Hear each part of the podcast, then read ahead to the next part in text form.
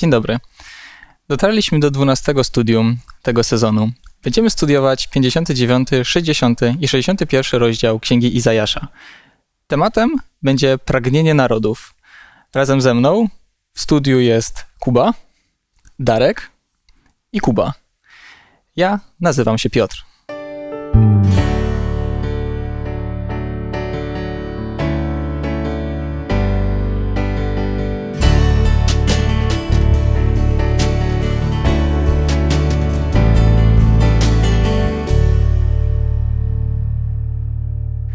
Na rozpoczęcie tego studium chciałbym poprosić Darka o modlitwę wprowadzającą. Nasz drogi Boże, chcemy dzisiaj wspólnie tutaj badać Twoje słowo, to co chciałeś przekazać dawnymi czasy do swojego ludu, ale też to, co chciałbyś powiedzieć nam, więc poprowadź nas tak, aby, abyś, abyśmy mogli zrozumieć Twoje przesłanie do nas. Amen. Amen. Amen. Księga Izajasza. Moglibyśmy powiedzieć, że składa się z dwóch części i zwraca uwagę na dwie istotne części: na sąd i na nadzieję. Teraz jesteśmy już przy końcu samej księgi i chciałbym, żebyśmy przestudiowali wskazówki, które Izajasz pod natchnieniem, jak wierzymy, Boga, y, miał do przekazania i ówczesnemu Izraelowi, ale również, jak wierzę, i nam. Chciałbym, żebyśmy na samym początku mm, otworzyli rozdział 59 Księgi Izajasza i z racji tego, że to będzie oś naszego studium, przeczytali go całego. Nie mamy 21 wersetów, podzielimy się porówno, wy podzielicie się porówno, ja będę słuchał. E, chciałbym, Kubo, abyś zaczął. Dobrze. Czytam z Biblii, z przekładu e, Ewangelicznego Instytutu Biblijnego. Oto ręka Pana nie jest tak krótka, aby nie mogła ocalić. Jego ucho nie jest tak przytępione, aby nie mogło usłyszeć. To wasze winy są tym, co was oddziela od Boga. Wasze grzechy zasłaniają przed wami. Jego oblicze także nie słyszy.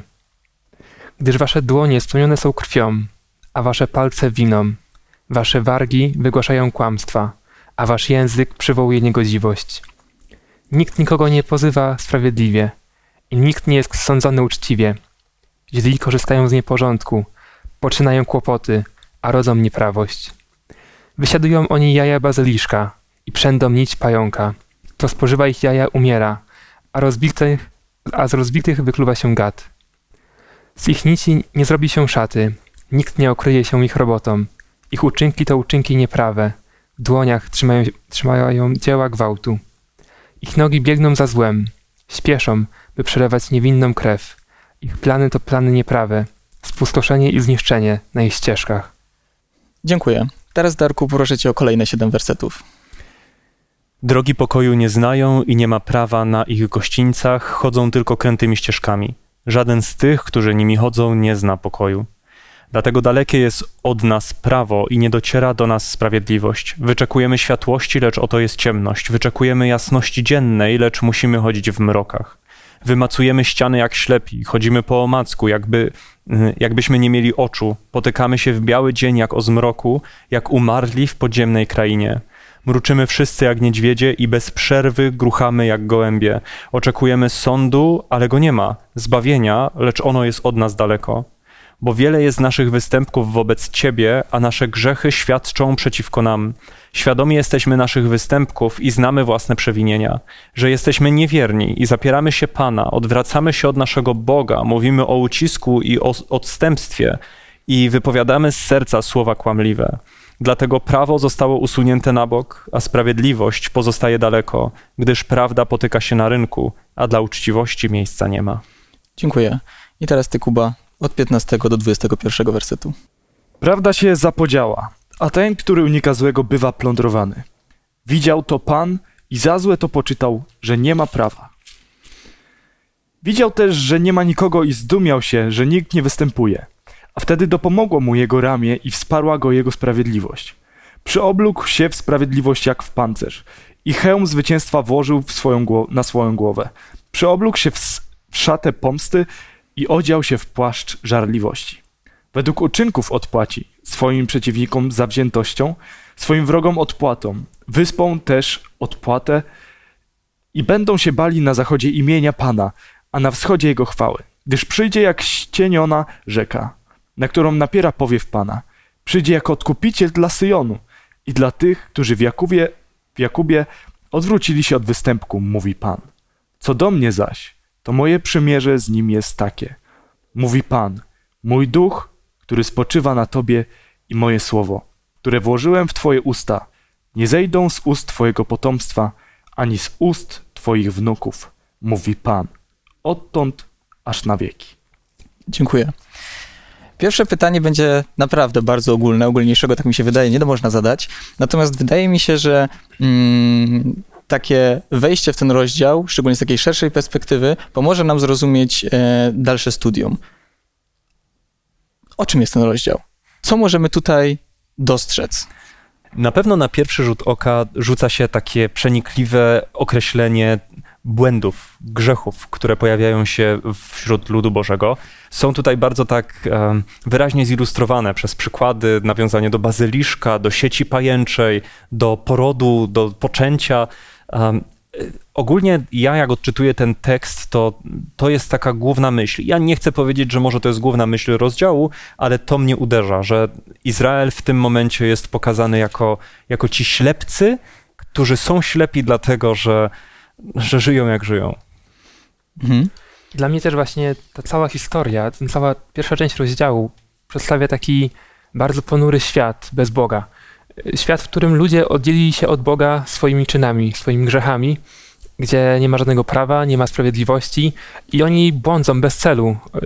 To jest kilka takich fragmentów, które tak bardzo pokazuje tą ciemność tego miejsca, jakim jest świat bez Boga.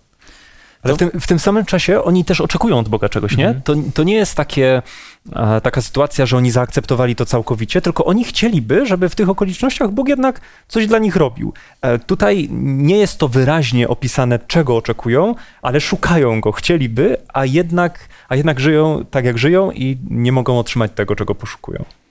To jest bardzo ciekawe, mm, bo tak jak powiedzieliście, czytając ten rozdział na samym początku, widzimy ludzi, którzy chcą usłyszeć Boga, chcą usłyszeć jakiś kontakt od Niego otrzymać.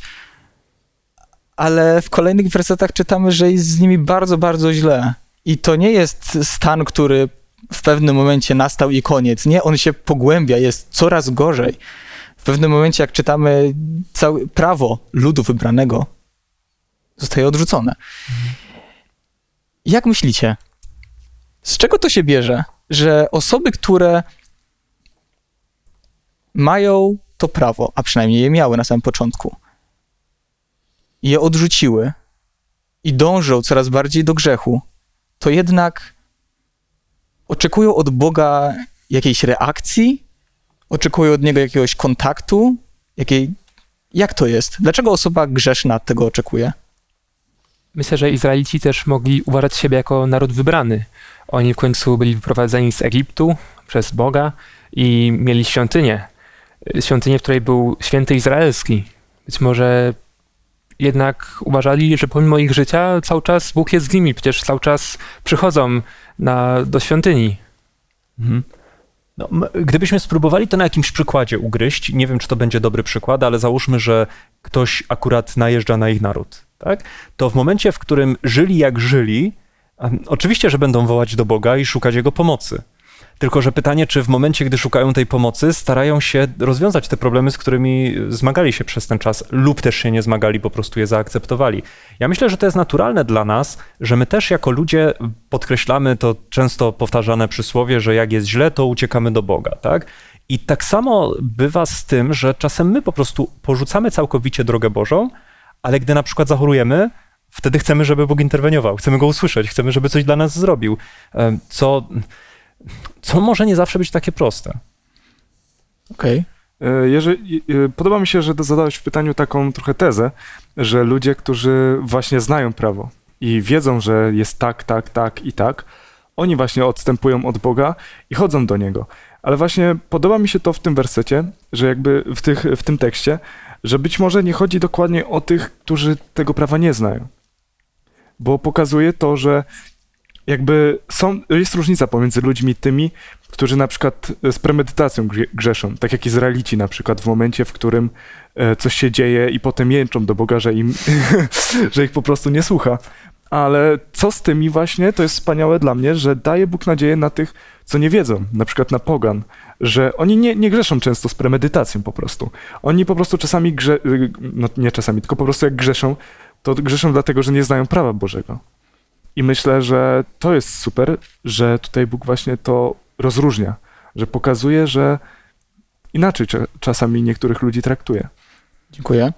E, Do tego dojdziemy, e, jak em, w tych wersetach i w kolejnych rozdziałach jest, jakie jest rozróżnienie między osobami z ludu Bożego, a osobami z ludów pogańskich. Mm, Natomiast jeszcze chciałbym się chwilę zatrzymać e, na właśnie ludzie wybranym. Jak wierzę, e, samym Sedy, który jest w tym momencie osią, głównym bohaterem tego, e, tego tekstu. Bo już powiedzieliśmy sobie, że jest źle. Powiedzieliśmy sobie, mm, spróbowaliśmy wytłumaczyć, dlaczego oni mimo wszystko, mimo że grzeszą, to chcą usłyszeć Boga. No to teraz zastanówmy się, dlaczego go nie słyszą. Mówimy przecież o Bogu, który jest wszechmogący. I mówimy o ludzie, który jest ludem wybranym. Co jest problemem? Dlaczego jakiś, nie wiem, czy może to jest grzech, czy może coś innego? Co powoduje, że wszechmogący Bóg nie mówi, nie chce powiedzieć, a może po prostu lud nie słyszy tego, co Bóg do nich mówi. Mm, Ogólnie ja myślę, że to jest coś takiego, że jeżeli oni właśnie grzeszą z taką premedytacją, to Bóg próbuje ich wychować. Jeżeli oni widzą, że e, oczywiście e, tak jak często my i Izraelici jesteśmy ociężali i kiedy Bóg do nas mówi, to my nie słuchamy, a potem biadamy nad tym, że coś nam się złego dzieje, to właśnie Bóg to myślę, że jest taki proces wychowawczy. Że patrz, że gdybym cię prowadził w ten sposób i w ten sposób, Patrz, czy gdybyś słuchał tego prawa albo tego prawa, czy tego przykazania lub innego, to patrz, jak inaczej sytuacja by się potoczyła, bo przecież nawet nie byłoby mowy o tym, że coś się dzieje właśnie. Że po prostu to byłoby bardzo naturalne. I myślę, że to jest po prostu środek wychowawczy, który Bóg daje Izraelitom, żeby zrozumieli może w końcu, że trzeba stale się słuchać, a nie tylko jak jest źle. Dzięki. Choć z drugiej strony e, to jest taki trochę no, ciekawe, bo z jednej strony Bóg nie mówi, ale z drugiej strony to właściwie Bóg mówi, że oto ręka Pana nie jest krótka, aby was nie mogła ocalić. Przecież to Bóg posłał Izajasza. I tak samo na przykład w Ewangelii, Ewangeliach wielokrotnie czytamy o tym, że Jezus dokonał takie niesamowite cuda, że no, rozmnożył dla pięciu tysięcy chleb i, i czy zbudzenie Łazarza, a do niego pod- podchodzili potem Żydzi i prosili, daj nam znak, że jesteś Mesjaszem. No i czy to był problem Jezusa, że on nie dał im znaku? Przecież on dawał im tyle znaków. I myślę, że Bóg nam dał swoje słowo i pokazał nam, objawił nam siebie w pewien sposób. Pytanie, czy chcemy szukać Jego odpowiedzi, czy naprawdę chcemy postępować zgodnie z tym, co On nam już dał. Czyli rysuje się tutaj taki obraz, że Bóg nie mówi, dlatego że mówi. I jakkolwiek to brzmi, to ja, ja podam taką ilustrację z Nowego Testamentu, która jest całkiem wyraźna. Pamiętacie być może, jak e, Herod, jak o nim czytamy, lubił słuchać tego, co Jan miał mu do powiedzenia. Jan mu mówił, że nie możesz mieć tej kobiety za żonę. I on do niego przychodził i go słuchał, ale nic z tym nie robił. Nie? I w końcu, gdy po jakimś tam czasie, po ścięciu Jana, Jezus staje przed Herodem, Jezus nie ma mu już nic do powiedzenia. Dlaczego Jezus nie ma mu nic do powiedzenia? Bo on do niego mówił. Tak? I mi się wydaje, że gdy my czytamy o Izraelu, a Bóg do nich przemówił. On do nich przemówił przez prawo. O tym Kuba ty mówiłeś, nie? Że prawo też jest formą, w, których on, w której Bóg do nich przemówił, a oni nie zachowali tego prawa, więc po co szukać czegokolwiek więcej, jeśli nie zachowali tego, co już zostało powiedziane, nie? Dlaczego ym, Bóg miałby dokładać im jeszcze więcej, jeśli to, co już wiedzą, nie jest przez nich respektowane? Więc ja myślę, że gdy Bóg milczy, to może milczy dlatego, że właśnie mówi. Dlatego, że już coś powiedział, nie? Że, że w ten sposób pokazuje, że może wróć do tego, co już usłyszałeś, a nie szukaj czegoś nowego, no bo w zasadzie to po co ci to, nie? Jeśli masz wszystko. No, myślę, że to jest świetna myśl, tym bardziej, że czasami milczenie może być o wiele bardziej wymowne od głośnych słów. I czasami milczenie, nawet myślę, że w moim osobistym życiu, jeżeli nie mam jakiejś odpowiedzi, to będę szukał i studiował i pytał Boga, dopóki znajdę tę odpowiedź. Więc milczenie może być czasem głośniejsze niż krzyk. Dziękuję bardzo za te myśli. E, Zgadzam się z nimi i chciałbym jeszcze dołożyć kolejny aspekt.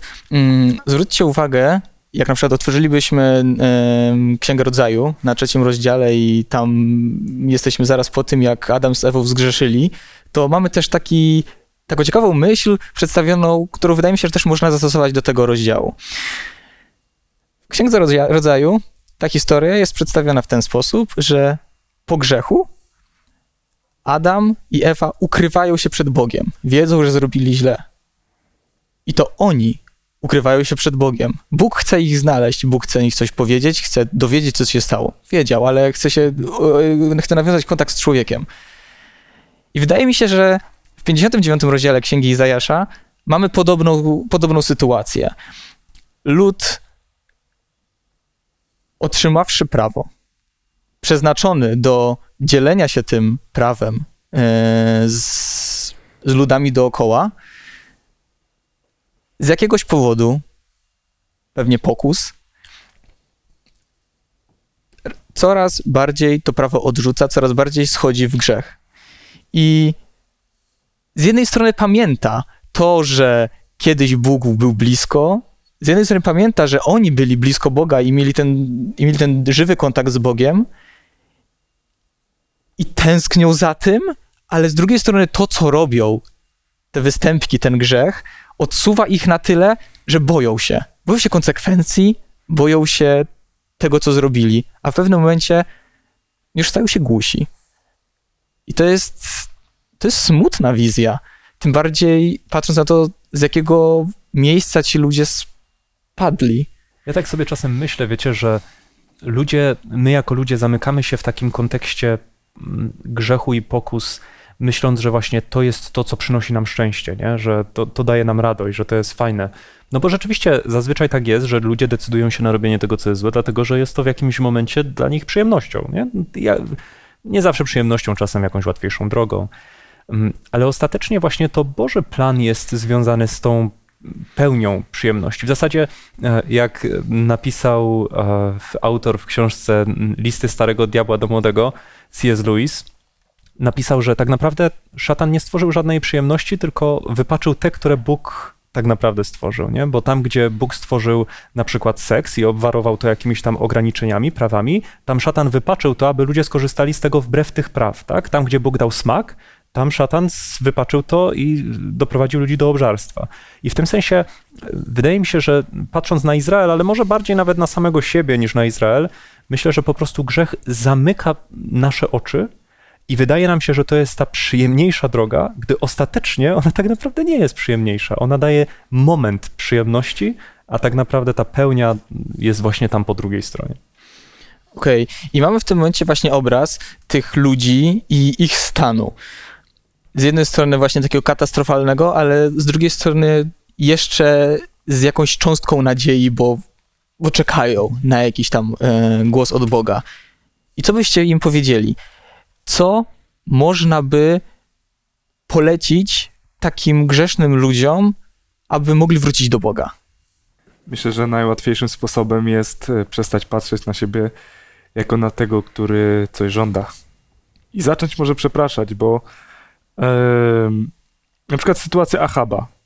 To jest dla mnie coś niesamowitego, że Achab po prostu no nie był najlepszym królem, delikatnie ujmując, ale w pewnym momencie, kiedy prorok do niego przyszedł i o coś mu powiedział o nim, to on rozdał, rozdarł swoje szaty, jeżeli dobrze pamiętam, jeszcze nawet we włosienicę wszedł. I Bóg nie ukarał go, przebaczył mu. To jest mnie, że pomimo tego, że jesteśmy najbardziej zatwardziałymi ludźmi, czy najbardziej, że tak powiem, kolokwialnie parszywymi postaciami, to po prostu Bóg zawsze daje szansę. Tylko trzeba zobaczyć szczerze, powiedzieć, że Panie Boże chce się zmienić.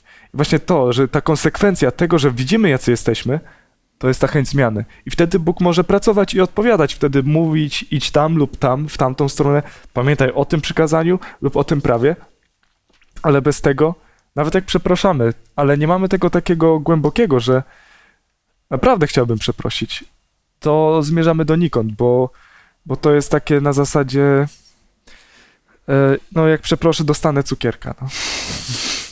Niestety. Jak patrzę na tę historię, to do wersetu siódmego autor wypowiada się mówiąc o nich, tak? O ich grzechach, ale, przepraszam, do ósmego, tak? Ale dalej mówi o nas, dlatego dalekie jest od nas prawo. I wypowiada te informacje o grzechach w kontekście takim, że to są nasze winy. I jeżeli właściwie to interpretuję, to mógłbym powiedzieć, że ci ludzie wiedzą, co jest ich problemem. Oni wiedzą, jakie są ich przewinienia. Ktoś może na to spojrzeć i powiedzieć, że to tylko prorok wie, ale biorąc pod uwagę, że mówi to w tej mnogiej liczbie, myślę, że oni o tym wiedzą. Mało tego, że wiedzą, oni chcą zmiany, tak? Bo oni chcieliby, żeby coś się zmieniło. I rozwiązanie, które ja bym zaproponował, i teraz e, musicie zrozumieć to w tej całej kontekście, w kontekście, w którym się znajdujemy, ja bym powiedział, żyjcie tak, jak żyliście kiedyś. Tak? Nie, nie, nie róbcie tego, co robicie, jeżeli wiecie, że to jest złe. To tak jak do Efezu Jezus powiedział, spełniaj uczynki takie jak pierwej. Tak? Po prostu żyj tak, jak żyłeś. I, I jakkolwiek wiele osób chciałoby tu dołożyć cały ten kontekst, musisz zaznaczyć, żeby się modlić, musisz zaznaczyć, żeby wierzyć. Oczywiście. Natomiast w najprostszej linii po prostu żyj tak, jak powinieneś żyć, tak, tak jak mówi Słowo Boże. Jeśli mogę, to ten fragment jest dla mnie bardzo szczególny. Pamiętam taki moment w moim życiu, kiedy właśnie trafiłem na ten rozdział i tak czytałem i coraz bardziej czuwałem, że on jest właśnie o mnie. Że dokładnie czułem ten klimat, że czułem się jak ten y, ktoś, to gdzieś tam maca po ciemku i czułem taką ciemność, jakby oddzielenie od Boga. I po całym tym długim rozdziale, gdzie jest tak długo opisany ten stan, to Panie Boże, no i co teraz mam zrobić? I wtedy przypomniał mi się fragment y, z 50 rozdziału, gdzie tam są takie słowa, że kto chodzi w ciemności, niech świeci mu nawet, a nie świeci mu nawet promyk światła, to niech zaufa Panu i niech polega na swoim Bogu. I ja nie mam żadnej, żadnej nadziei dla mnie, patrzę na swój beznadziejny stan tej ciemności, w jakiej jestem, ale mogę zaufać Bogu. I tam dalej też w tym rozdziale możemy czytać o tym, że Odkupiciel przyszedł dla każdego, który przyszedł, żeby się odwrócić od tych nieprawości. Jeżeli ja tylko chcę zwrócić się przeciwko Bogu, to, to On nie uratuje i doświadczyłem tego i to działa. Amen. Chciałbym tak to trochę podsumować. I e, czytając e, rozdział 59, dochodzimy do pewnego momentu, w którym mm, w którym mm, jest opis e, stanu tego narodu od 14, e, e, od 14 wersetu. E, chciałbym przeczytać. Dlatego prawo zostało usunięte na bok, a sprawiedliwość pozostaje daleko, gdyż prawda potyka się na rynku, a dla uczciwości miejsca nie ma. Prawda się zapodziała, a ten, który unika złego, bywa plądrowany. Widział to Pan i za złe to poczytał, że nie ma prawa. I wiecie, i w tym momencie w tej sytuacji ludzi, którzy mm, w jakiś sposób oczekują od Boga, pragną powrotu do Niego, mamy taki obraz, że jeszcze zanim to się stanie, to prawo zostaje zdegradowane do takiego poziomu, że ludzie sprawiedliwi, 14-15 werset mówi o tak interpretuję, takiej garsteczce. Sprawiedliwy jest kopany. Nie ma tam żadnej tej Bożej sprawiedliwości. I co wtedy? I wtedy przychodzi Jezus. I w kolejnych wersetach czytamy, tutaj jest przedstawiony jako sługa, yy, że przyoblógł się w sprawiedliwość, ubrał hełm, a wcześniej tak bardzo potępił ten lud, że prawo zostało zniesione. Że to prawo, które tam było, ono wam do was mówiło i wam pomagało odwracać się od tych grzechów.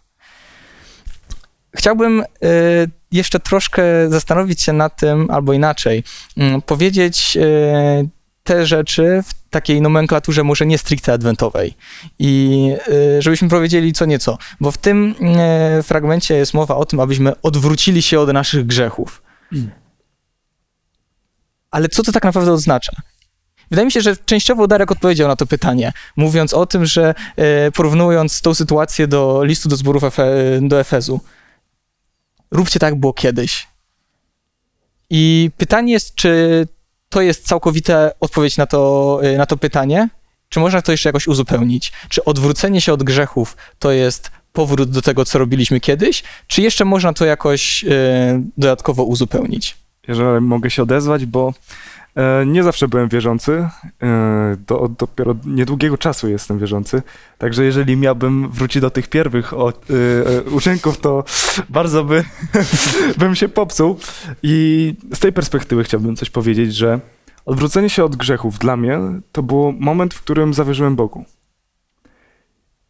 I to był moment, w którym Bóg zaczął działać w moim jakby sercu, że jakby moje marzenia, moje cele, moje cechy charakteru nawet zaczęły zmieniać trajektorię po prostu. I odwrócenie się od grzechów, ja bym nazwał to procesem, w którym człowiek zaczyna rozumieć, że jest Bóg. I wtedy jakby tak nawet proporcjonalnie, wykładniczo tak się rośnie wszystko, że coraz więcej poznajemy, coraz więcej i coraz bardziej Bóg nam w tym wszystkim błogosławi. Także teraz ja z perspektywy ponad półtora roku, gdzie zawierzyłem swoje życie Bogu, czyli po prostu się ochrzciłem i zacząłem słuchać tego, co mówi właśnie ta księga, to, to jest niesamowita zmiana. Tyle bólu ode mnie, co odeszło, to jest niesamowite. Tyle, tyle rzeczy, które zdążyłem jakby naprawić z tego, że tak powiem, złego życia, to też jest niesamowite. Ale też widzę, jak e, nie chcę mówić, że, że ktoś jest jakiś e, m, po prostu do wyrzucenia czy coś, ale widzę po prostu różnicę w społeczności, gdzie ludzie słuchają chociażby podstawy tych dziesięciu przykazań i chodzą z Bogiem. Jak w ogóle mniej mało konfliktów jest. Ja przez półtora roku chyba się pokłóciłem z kimś raz. A wcześniej to, to nie było, tak?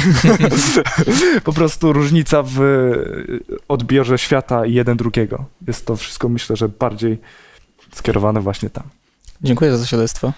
Ja tak sobie myślę, że mm, może tak powiem. Rok temu uczyłem etyki. I jeden z wniosków, który po tym roku e, mam, jest taki, a nie jest jakoś wielce odkrywczy, że ludzie niewierzący, oni mają swoje postrzeganie dobra i zła i wiedzą, że tego, co jest złe, robić nie powinni, a to, co jest dobre, robić powinni. I mm, oczywiście ja tutaj nie mówię teraz o planie zbawienia jako takim, tylko o tym, że każdy człowiek na podstawie swojej definicji tego, co jest dobre, co jest złe, wie, co to jest, czego nie powinien robić i wie, co to jest to, co powinien robić. Więc rozumiem, że gdy ktoś, tak jak ty, Kuba, mówisz, nie, poznaje Słowo Boże, Bożą wolę, to on automatycznie rozumie, że to nie jest to zło, nie jest tym, co powinien robić, a to, co jest tym dobrem, co jest opisane w Biblii, jest pożądane przez Boga.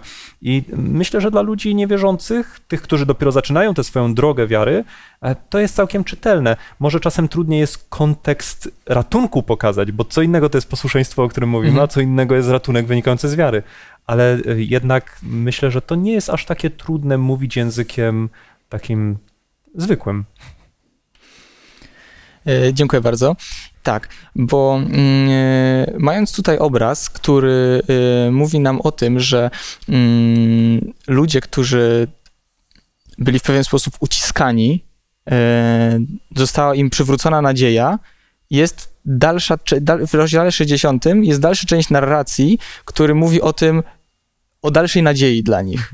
Jeśli mógłbym poprosić Ciebie, Kuba, o przeczytanie pierwszych trzech wersetów rozdziału 60. Powstań, zajaśnij, gdyż nadeszło Twe światło, a chwała Pana rozbłysła nad Tobą.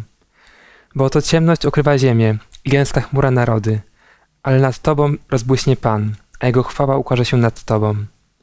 Ku Twemu światłu wyruszą narody, a ku promieniom Twojego blasku królowie. Chciałbym, żebyśmy otworzyli jeszcze jeden tekst.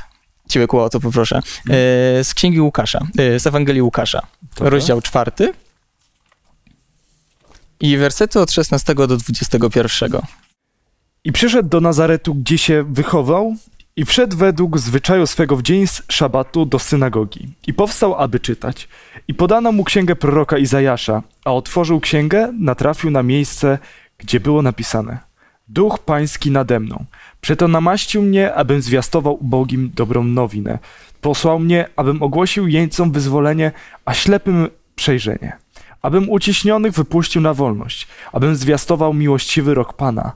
I zamknąwszy księgę, oddał ją słudze i usiadł, a oczy wszystkich w synagodze były w niego wpatrzone. Zaczął tedy mówić do nich: Dziś wypełniło się to pismo w uszach waszych. Dziękuję bardzo. E, Tutaj już powoli przyszedłem też do rozdziału 61. Dla mnie jest e, taką, jest takim płynnym przejściem e, właśnie początek 60 i początek 61 rozdziału. E, Zatrzymując się jeszcze na samym początku, na, przy tym rozdziale 60. Jaki obraz, jaką nadzieję, jaką wizję dalej dostrzegamy dla tego ludu, który jest, o którym rozmawialiśmy teraz w, w kontekście 59 rozdziału Księgi Izajasza. Jak dla mnie po raz kolejny Księga Izajasza przedstawia ten kontrast, że jest ciemność, jaka jest bez Boga, ale Bóg daje rozwiązanie, daje światłość. I tak jak wcześniej czytaliśmy o tym, że lud, lud który sie- siedzi w ciemności, ujrzy światłość wielką, tu jest znowu ten, ten sam motyw, który pokazuje, że jest rozwiązanie, że światłość świata przyszła, żeby dać nam to uwolnienie z tego, tej ciemności grzechu. Dziękuję. Dla mnie też jest właśnie ważne, że ta końcówka 59 rozdziału, która mówi o Bogu, który przychodzi na sąd, mówi w wersecie 20: Przyjdzie jako odkupiciel dla Syjonu i dla tych, którzy w Jakubie odwrócili się od występku. Czyli udaje się, tak? Jest ta grupa osób w Jakubie, w Izraelu, która odwraca się od występku. I dla nich czytamy te słowa, tak to rozumiem. To powstańcie, zajaśnijcie, zjawiła się wasza światłość, tak? Teraz, teraz już będzie dobrze, teraz się stanie to, czego oczekiwaliście, bo oni w obliczu Boga, który przyszedł na sąd, oni odwrócili się od swojego występu. Dokładnie. I to jest e, to, co powiedziałeś, Darku. Właśnie też sobie to zapisałem, bo wydaje mi się takim niesamowitym, e, niesamowitą radosną nowiną, bo mamy właśnie e, ten straszny obraz, którym, e, który rozpoczyna się w 59 rozdziale. I mamy obraz tego, jak jest źle. I w trakcie otrzymujemy nadzieję, że prawo powróci, że ludzie, e, prawo powróci do łaski, że ludzie, którzy, e, Syjon, ludzie, którzy są określeni w mianem Syjonu, e, zostaną odkupieni przez Pana, a w rozdziale 60 już dostajemy wskazów, już dostajemy wskazówki, jakie ten lud dostał. Zajaśniejesz na Syjonie. I co jest napisane dalej? Syjon zajaśnieje i bo ciemność okrywa ziemię i mrok narody, lecz nad tobą zabłyśnie Pan jego chwała ukaże się nad tobą i pójdą narody do twojej światłości, a królowie do blasku, który jaśnieje nad tobą. Tam jest gwarancja, w tym tekście jest gwarancja tego, że raz, że będzie dobrze, bo y, Syjon zostanie odkupiony, ale dwa, będzie dobrze, bo narody przez Syjon przyjdą do Boga. I to jest niesamowita informacja, niesamowita nadzieja, która y, wydaje mi się, że była, świet, była, że była świetną rzeczą, y, który, która dawała taką mm, motywację do działania tym ludziom. To była ta obietnica, na którą oni tak długo czekają, nie? Prawda? Y, Mi się to z kolei kojarzy z drugim przyjściem Chrystusa.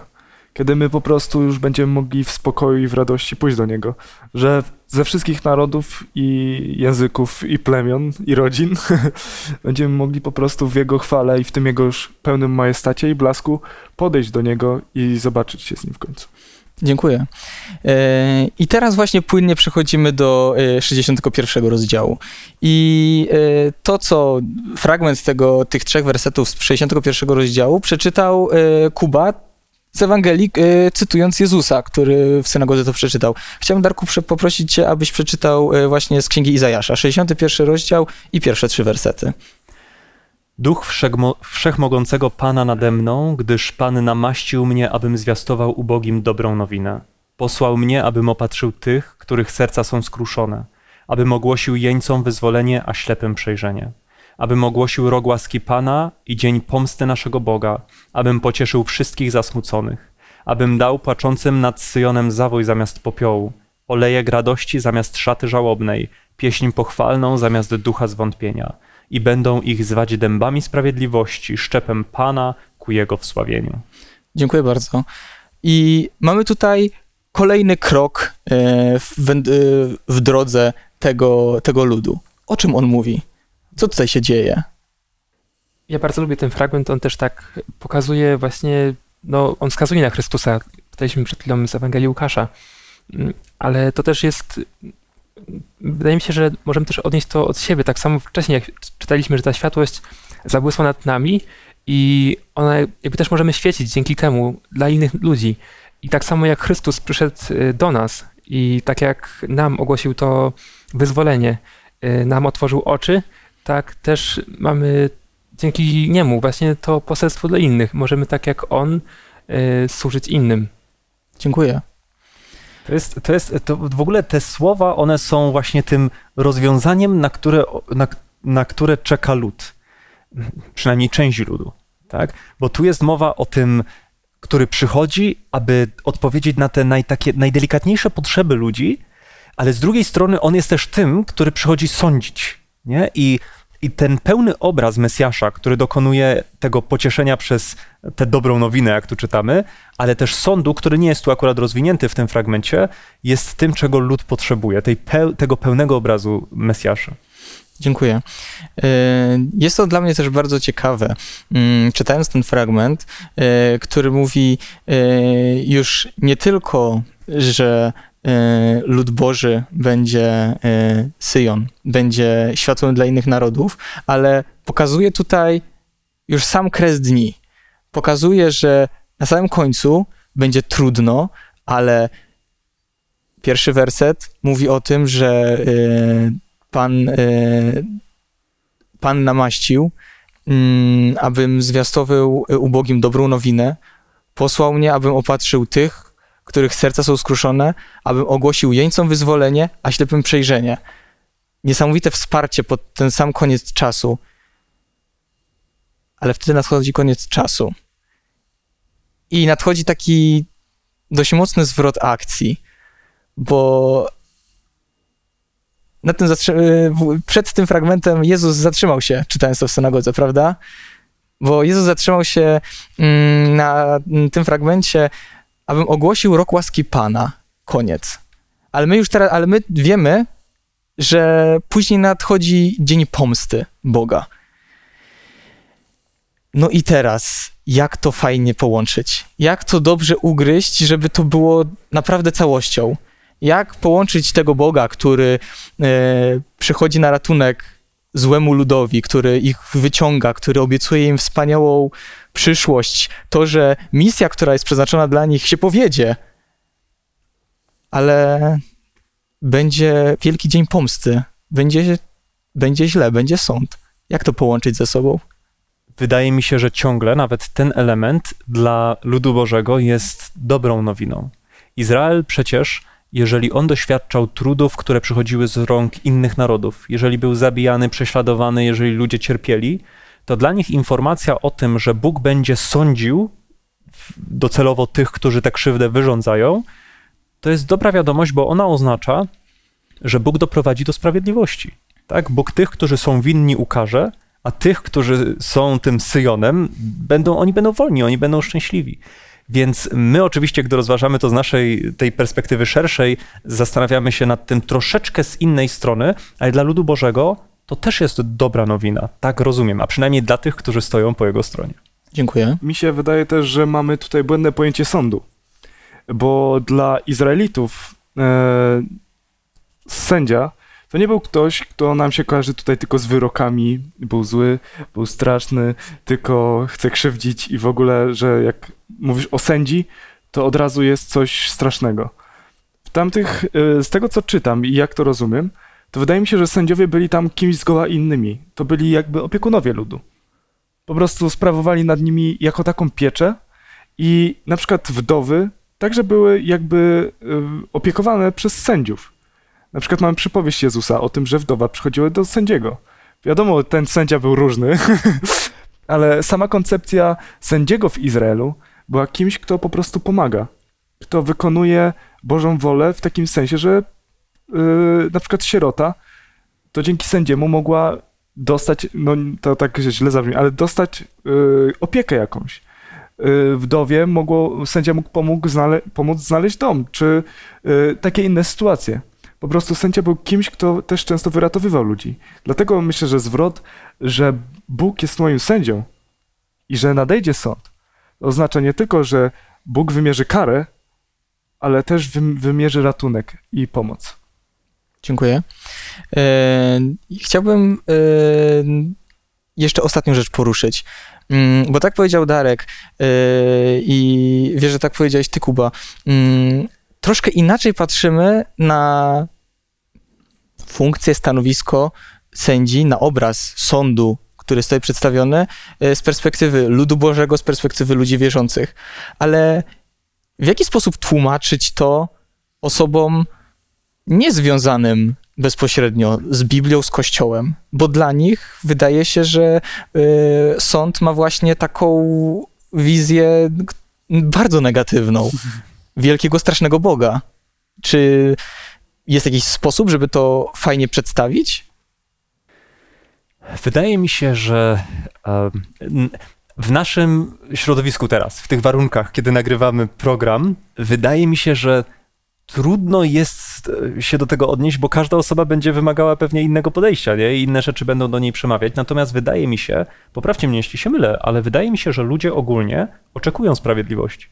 Jeżeli w tych naszych polskich warunkach ktoś popełnia przestępstwo, to ludzie oczekują, że zostanie ukarany to jest oczekiwanie społeczne. Nie sądzę, żeby ktoś y, mordercę zalecał, żeby chodził po ulicach i nie był karany. Więc jeżeli ludzie oczekują tego od, od prawa naszego, polskiego w tym przypadku, to dlaczego mieliby mieć pretensje do tego, że Bóg dokonuje również tych sądów, czyli karze, karze tych, którzy nie wybrali Jego drogi, którzy nie uwierzyli Jego obietnicom. Ostatecznie On przecież musi świat doprowadzić do miejsca, gdzie nigdy więcej już nie będzie zła. Więc myślę, że Myślę, że ludzie rozumieją, że sprawiedliwość musi być dokonana przez ukaranie również tego, co jest niewłaściwe. Dziękuję. Chciałbym zostawić Was y, z takim apelem, z, taką, pod, z takim podsumowaniem tego, o czym teraz rozmawialiśmy. Jako lud Boży, który w czasach końca ma niesamowitą misję do wykonania, mamy w tych rozdziałach wielką nadzieję dla siebie i obietnicę przy okazji tego, że to, czym się zajmiemy, jeśli będziemy wykonywać to zgodnie z wolą Bożą, Bóg będzie to błogosławił i to my będziemy światłem Jezusa, będziemy odbiciem Jezusa dla narodów dookoła nas, dla ludzi dookoła nas. Chcielibyśmy być odważni.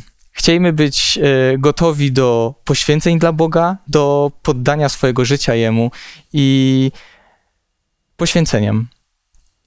Nie tylko swoim, ale do poświęceniem siebie dla ludzi, aby Królestwo Boga mogło być udziałem nas wszystkich. Kończąc to studium, chciałbym poprosić Ciebie, Kuba, o modlitwę. Kochany Ojcze, tak Ci dziękuję za to, że Ty nas wyrwałeś z tego świata ciemności, że Ty nas uratowałeś. I Panie, proszę Cię o Twojego Ducha Świętego, żeby On działał w nasze serca, żeby pomagał nam się przeciwstawiać naszym, naszym słabościom i pomagał nam się odwrócić od naszych grzechów i cały czas szukać Ciebie i przekazywać to światło, jakim jesteś, Ojcze, innym, żeby inni też mogli znaleźć tak niesamowitego Zbawiciela, jakiego my mogliśmy znaleźć w Tobie. W imieniu Jezusa Chrystusa. Amen. Amen. Za tydzień ostatnie studium w tym sezonie. Chciałem Was bardzo serdecznie zaprosić do uczestnictwa.